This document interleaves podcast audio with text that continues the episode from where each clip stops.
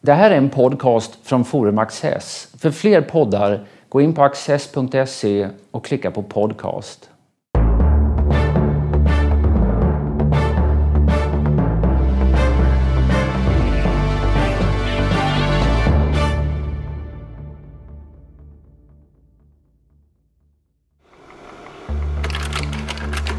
Robert Louis Stevenson är en skotsk författare som vann världsrykte framförallt med historierna om Dr Jekyll och Mr Hyde. Och om den unge Jim Hawkins sammandrabbning med den slemme Long John Silver på Skattkammarön. Eftervärlden har som regel sett honom som äventyrsberättare, skicklig men lättviktig. Kanske satte Stevensons flyhänthet och talang krokben för honom själv. Leif Zahn teaterkritiker och mångårig medarbetare i Dagens Nyheter, samtalar med Peter Luttersson. Författare är kanske inte alltid så roliga att träffa. En del författare kan vara väldigt självupptagna och så. Men jag vet att du Leif en gång har skrivit att eh, det fanns åtminstone en författare ur världslitteraturen som du gärna hade velat möta. Och det var Robert Louis Stevenson. Mm. Ja, jo, det, det, han, var, han var på något sätt ett undantag. Strindberg hade man inte velat träffa och många andra väldigt tråkiga också skulle jag tro. Eh, och kanske inte ens släppa in en. Men om man sökte upp Stevenson tror jag att han skulle ha tagit emot mig eller nästan vem som helst. Och jag tror att det där att man, man, man, känner lite mer personligt för Stevenson än för många andra författare har att göra med att när man läser honom så blir man omedelbart tilltalad och man ser på något sätt personen bakom, bakom den som har skrivit det här också. Det är inte så populärt alltid att eh, blanda ihop författaren och, och lite, deras litterära verk.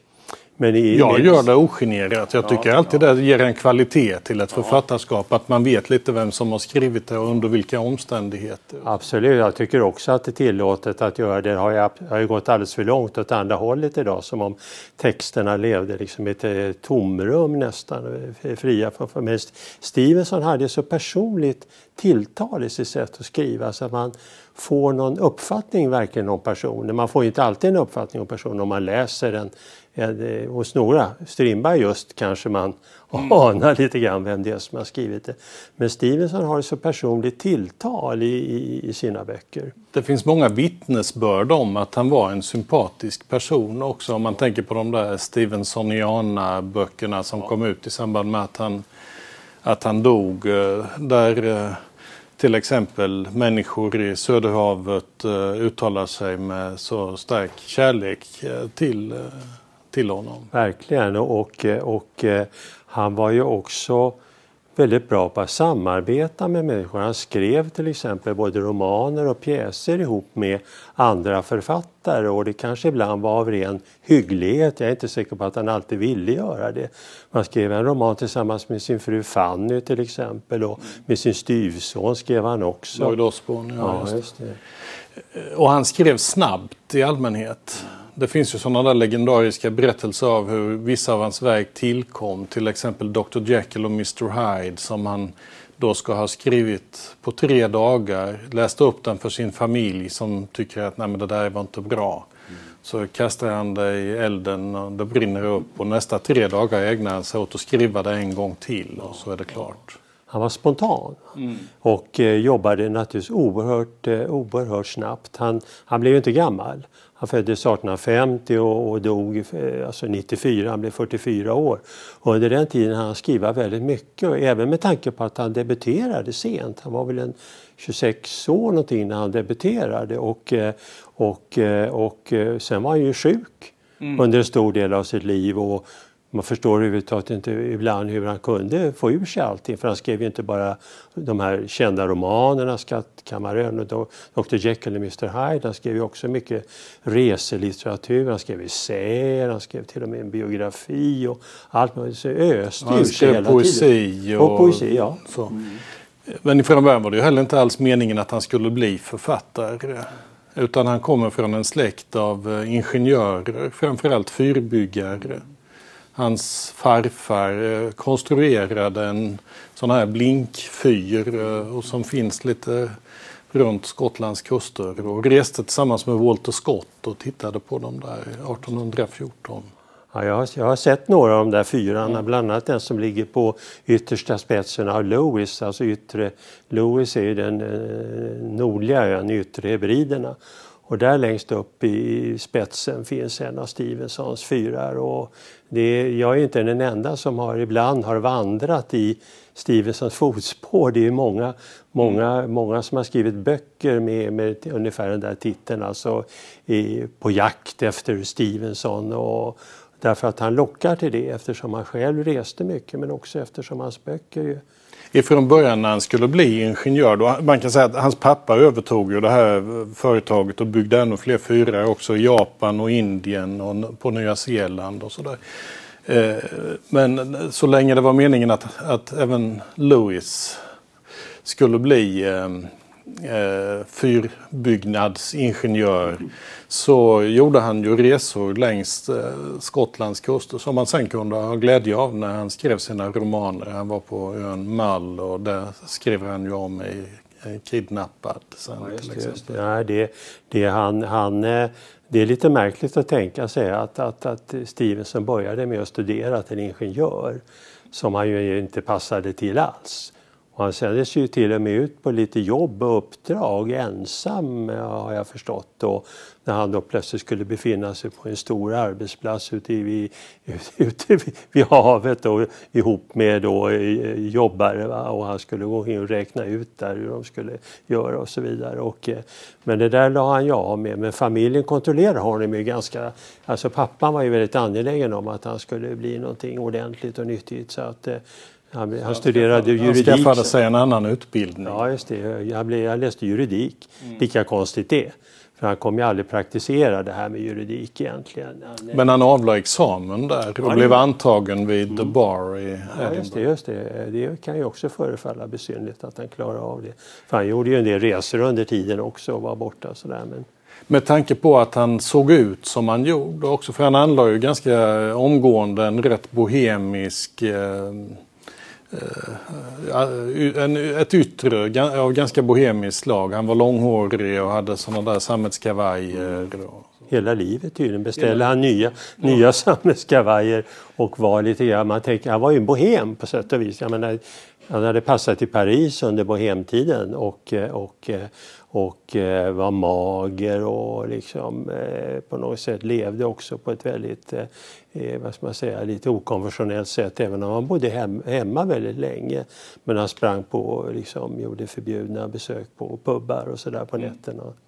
Ändå var han med i The Conservative Club vid Edinburghs universitet. Så han, eh, det finns motsägelser i, eh, i hans ja, personlighet. Många tror nog när man har läst en del av han har skrivit bland annat då från Söderhavet och sådär där han le, levde liksom också mycket som också studerade livet där som antropolog nästan att han var så varit en väldigt radik, politiskt radikal människa men det det var han väl egentligen inte. Han var nog rätt opolitisk. Jag tror han inte brydde så mycket om det där.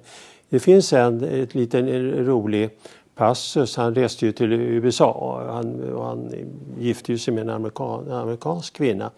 Men han, han, han reste till USA och har skrivit ett reportage, eller en bok som är kanske mer, den är mer litterär än bara ett reportage om, om The Amateur Emigrant som den heter och där han befinner sig på både en sån här eh, Amerikabåt och han, han reser i tredje klass, steerage som det heter på, på, på, eh, på, på engelska. Och, eh, och, man kan ju undra, en del har väl sett ner på det där, ungefär som ett sätt att go slumming, att han, liksom, eh, han tillhörde ju inte liksom den klass som reste där. Men, men han, vid något tillfälle kommer de här överklasspersonerna, kvinnor, och går igenom tredje klass och de fnissar lite grann och håller för näsan för det luktar kanske inte så bra. Och det, då blir Stevenson väldigt upprörd och säger att eh, det där tycker han inte illa om därför att jag alltid, jag betraktar mig själv som en demokrat. Jag skiljer inte på person personer och eh, klass, vilken klass de kommer ifrån. Så att, det där tillhör ju det sympatiska hos honom. Alltså, men det är ju snarare, det är ju inte en politisk radikalitet. Nej. För det tror jag verkligen inte han hade. Om man tittar på redan någon av de där två första reseböckerna så, så finns det ju en väldigt ironisk eh, scen med en eh, värdshusvärd. Det skulle inte vara roligt att se honom göra uppror på Paris gator och sådär. Eh, men däremot eh, en slags äkta medkänsla för eh, vem det nu är han möter. Det tror jag han hade väldigt starkt alltså. Och att han och att det är det som gjorde honom också väldigt omtyckt. Det är inte många författare som i sin livstid blir god vän med många andra författare som, som man ibland tycker är väldigt, egentligen väldigt, oli, var väldigt olika honom. Henry James mm. som var en extremt subtil författare av ett helt annat slag mm. var ju väldigt god vän med Stevenson och hälsade på honom och skrev till honom. Stevenson är ju alltid generös i sina omdömen om andra ja. författare och är ju inte ställ, uppträder inte sådär, vad ska vi säga, antagonistiskt eller att han ska fallställa en hackordning utan han är spontant uh, vänlig. Ja, det måste han ha varit och, och i, i, det där ingick också att han tyckte om barn. Att han, han har inte bara skrivit böcker som vi kallar för barnböcker men som är ungdomsböcker snarare. Jag tog med någon sån där bara för att illustrera det. Skattkammarön just den, den eh, ser ju ofta numera om den uh, ges ut, ut så här och blir ju då en, en barnbok. Men sen skrev han ju också verser för barn. Mm. Och, uh, Eh, så. Men om man, du sa att han gifte sig med en amerikanska. Mm. Det där efter att han eh, hade avlagt juridisk juridiskt examen så så eh, hade han dålig hälsa och han, resten av hans liv blev ju på ett sätt en, en jakt på klimat och så där han kunde eh, överleva helt mm. enkelt. Och från början gick de där resorna till Frankrike och Schweiz. Och, mm och sin blivande hustru träffade han i Grätz och hon var mycket äldre än vad han var. Hon var ju en tio år ungefär äldre och, och var gift då. Och eh, det var, man, man, man, måste ju notera att han drogs till äldre kvinnor för att hans första stora förälskelse som man känner till det var ju också en 10-11 år äldre kvinna som heter Frances Sitwell och som var gift med en kyrkoherde som tydligen inte var så lustig och som hon senare skilde sig ifrån. Och Stevenson hade säkert velat gifta sig med henne, det är ju alldeles uppenbart. Och han, han, han, han, han sörjde att han inte fick henne på något sätt men hon var uppenbarligen en oerhört älskvärd, oerhört fin person som betydde mycket för Stevenson. Och sen så reste han ju då som du, som du sa då till Frankrike och så var han sjuk ibland och hamnade i den där eh, konstnärskolonin i, i norra i Frankrike. Ja, där även Strindberg var och mm. Carl Larsson och många, många konstnärer. Och, eh, och eh, där fanns då Fanny Osborne som ju uppenbarligen var en väldigt originell kvinna också. Mm. Och, och, det var ju bohemliv där också naturligtvis. Och hon var okonventionell. Hon beskrivs också, många skriver lite nedsättande om hennes utseende, att hon inte var så snygg, hon var lite fyrkantig. Och, men på bilder ser hon ju väldigt intressant ut mm, tycker jag. Det tycker jag. det, men det, hon hade två barn med sig där också varav sonen sen skrev en, tycker jag, oerhört betagande bok om sin styvfar då. Ja. Som man också har velat förminska med att säga att den mytologiserar och sådär. Men, men i sin anda tycker jag att den är extremt Stevensonsk ja. och ger en, en bild av honom. Han var ju en ung pojke då, eh, Lloyd som han hette, eller Sam kallade jag var också. Eh, men, och eh, var det inte så att Stevenson först berättade berättade Skattkammarön för honom. Alltså när, ungefär som man berättar sagor för barn.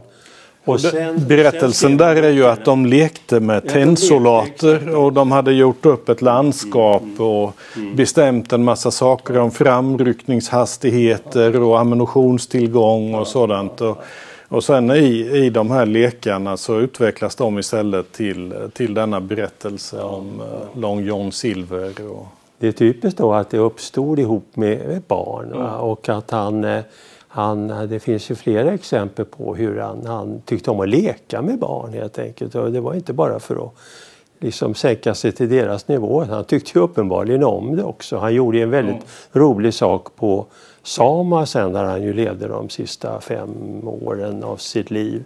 Eh, Söderhavet alltså. Det var ju en flicka där som var dotter till den amerikanska landkommissionären eller någonting sånt där.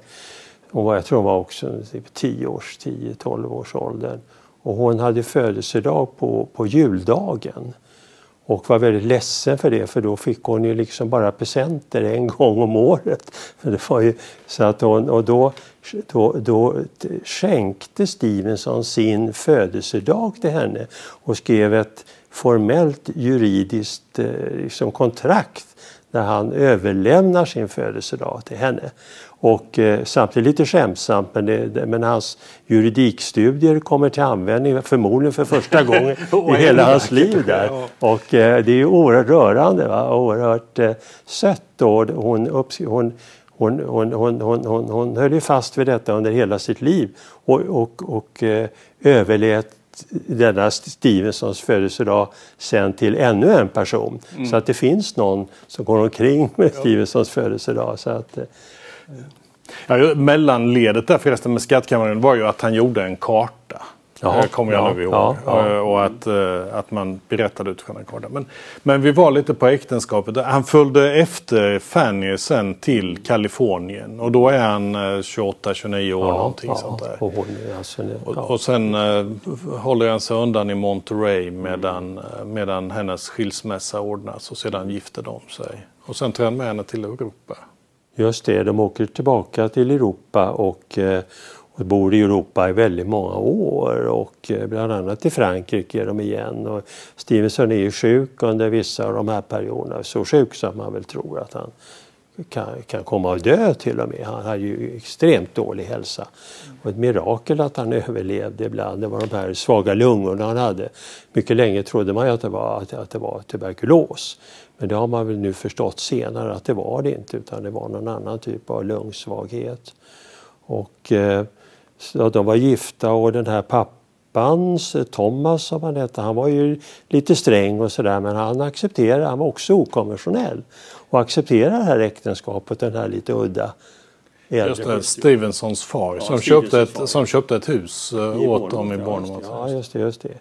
Så att eh, hela familjen var naturligtvis eh, lite speciell och när, när Stevensons pappa dog och, eh, och Stevenson och Fanny flyttade sen till USA reste till USA och sen då den här söderhavsresan och så. Då följde Stevensons mamma med, Margaret eller Maggie som hon kallades. Man kan säga, pappan dör väl någon gång i slutet på 1880-talet mm. och då bryter Stevenson i Bournemouth.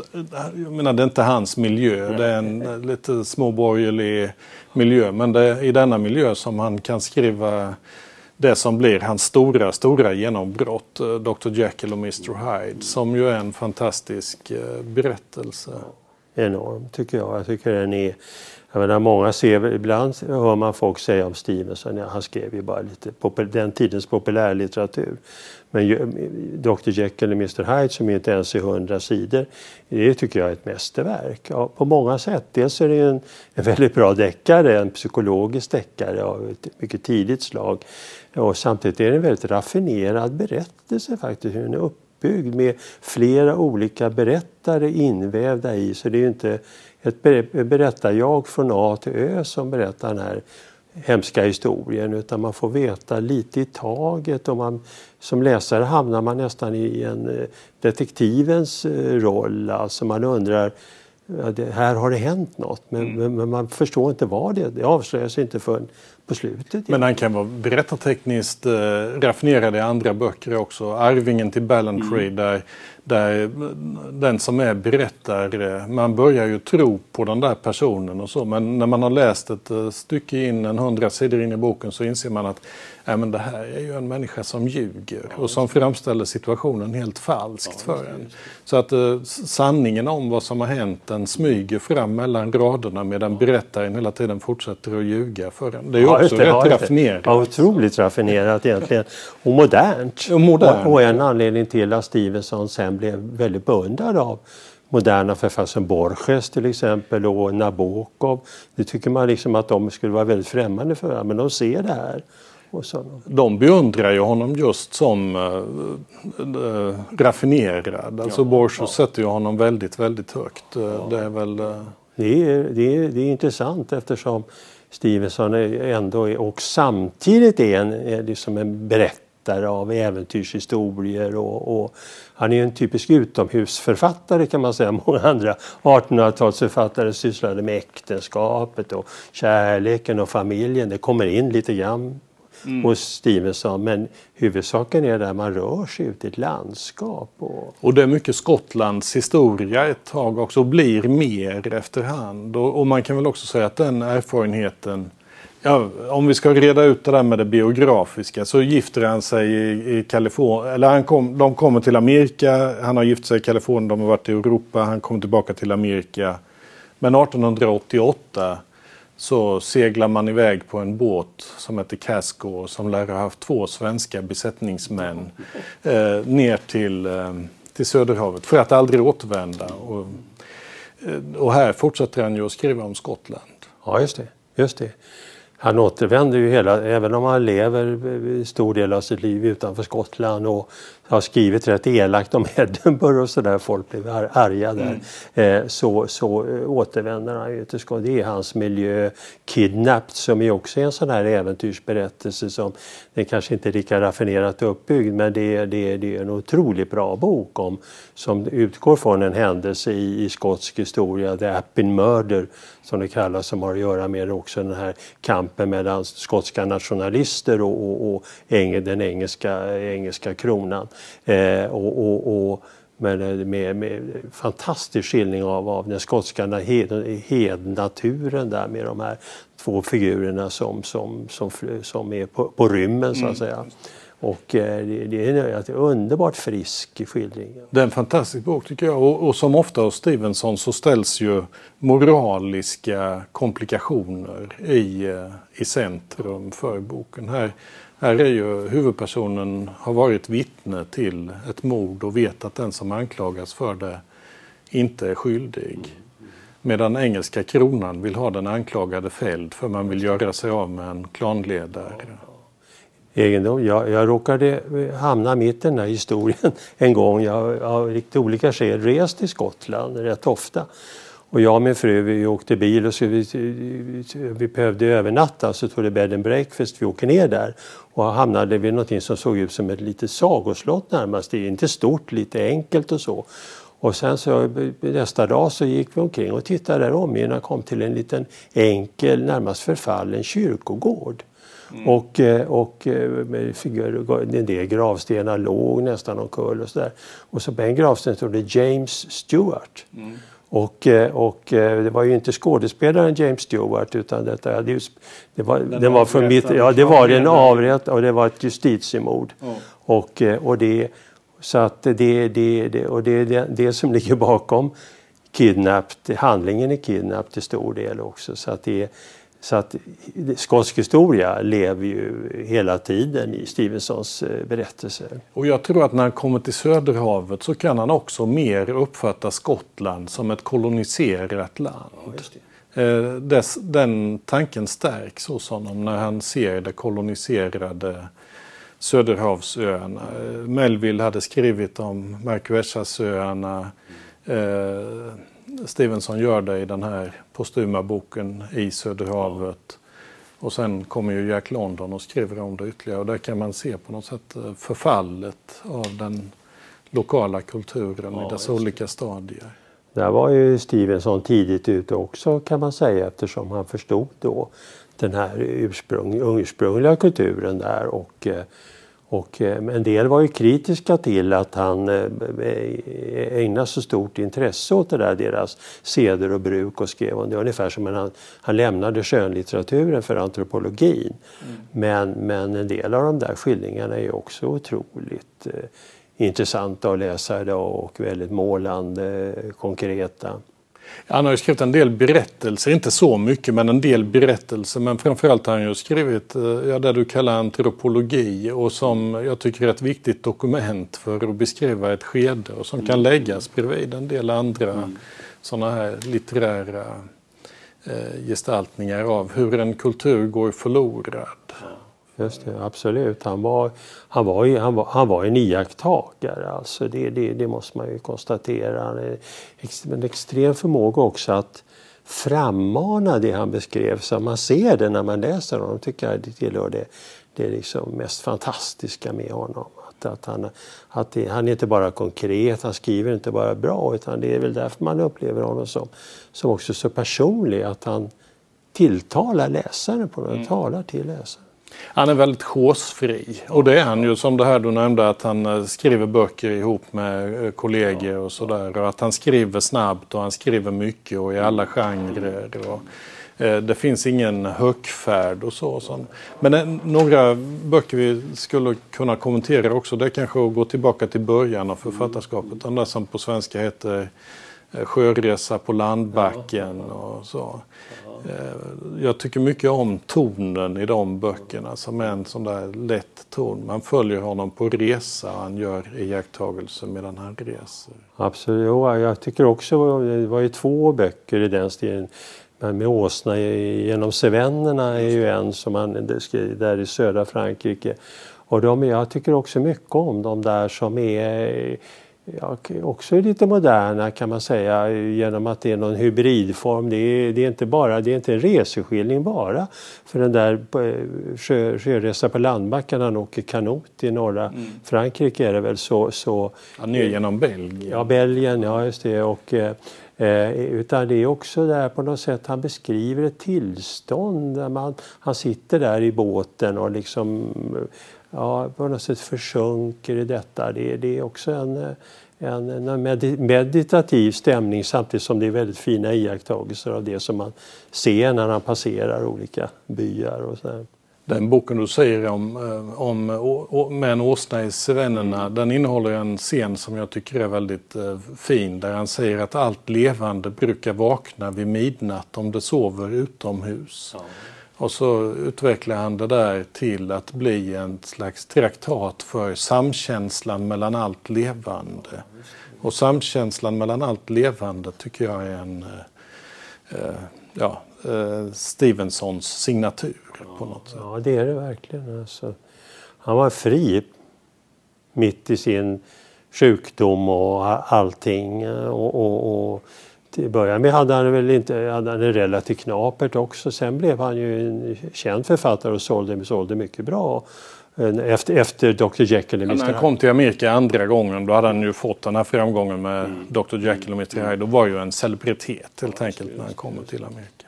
Men apropå sova utomhus så höll han ju faktiskt på att dö en gång när han sov utomhus. Det var väl i Monterey i Kalifornien när han väntade på att Fanny skulle ta ut skilsmässa. Mm och eh, var väl olycklig och trodde inte att hon skulle göra det. Och då gick han, ju, gick han ut då på någon vandring utan att ha särskilt mycket med sig och låg och sov utomhus och var ju ytterst nära att dö när en bonde hittade honom och förbarmade sig och tog hand om honom och tog hem honom och sköt om honom och sådär. Så att han var, han, var, han gjorde saker som han, som han egentligen inte borde ha gjort hela tiden. Vi får sluta här med att säga att han, han skötte inte sin hälsa. Han eh, rökte och sådär hela tiden trots att han hade dessa svaga lungor. Men han dog inte av en lungsjukdom. Nej, det gjorde han inte. ja. Tack Leif. Tack. Tack.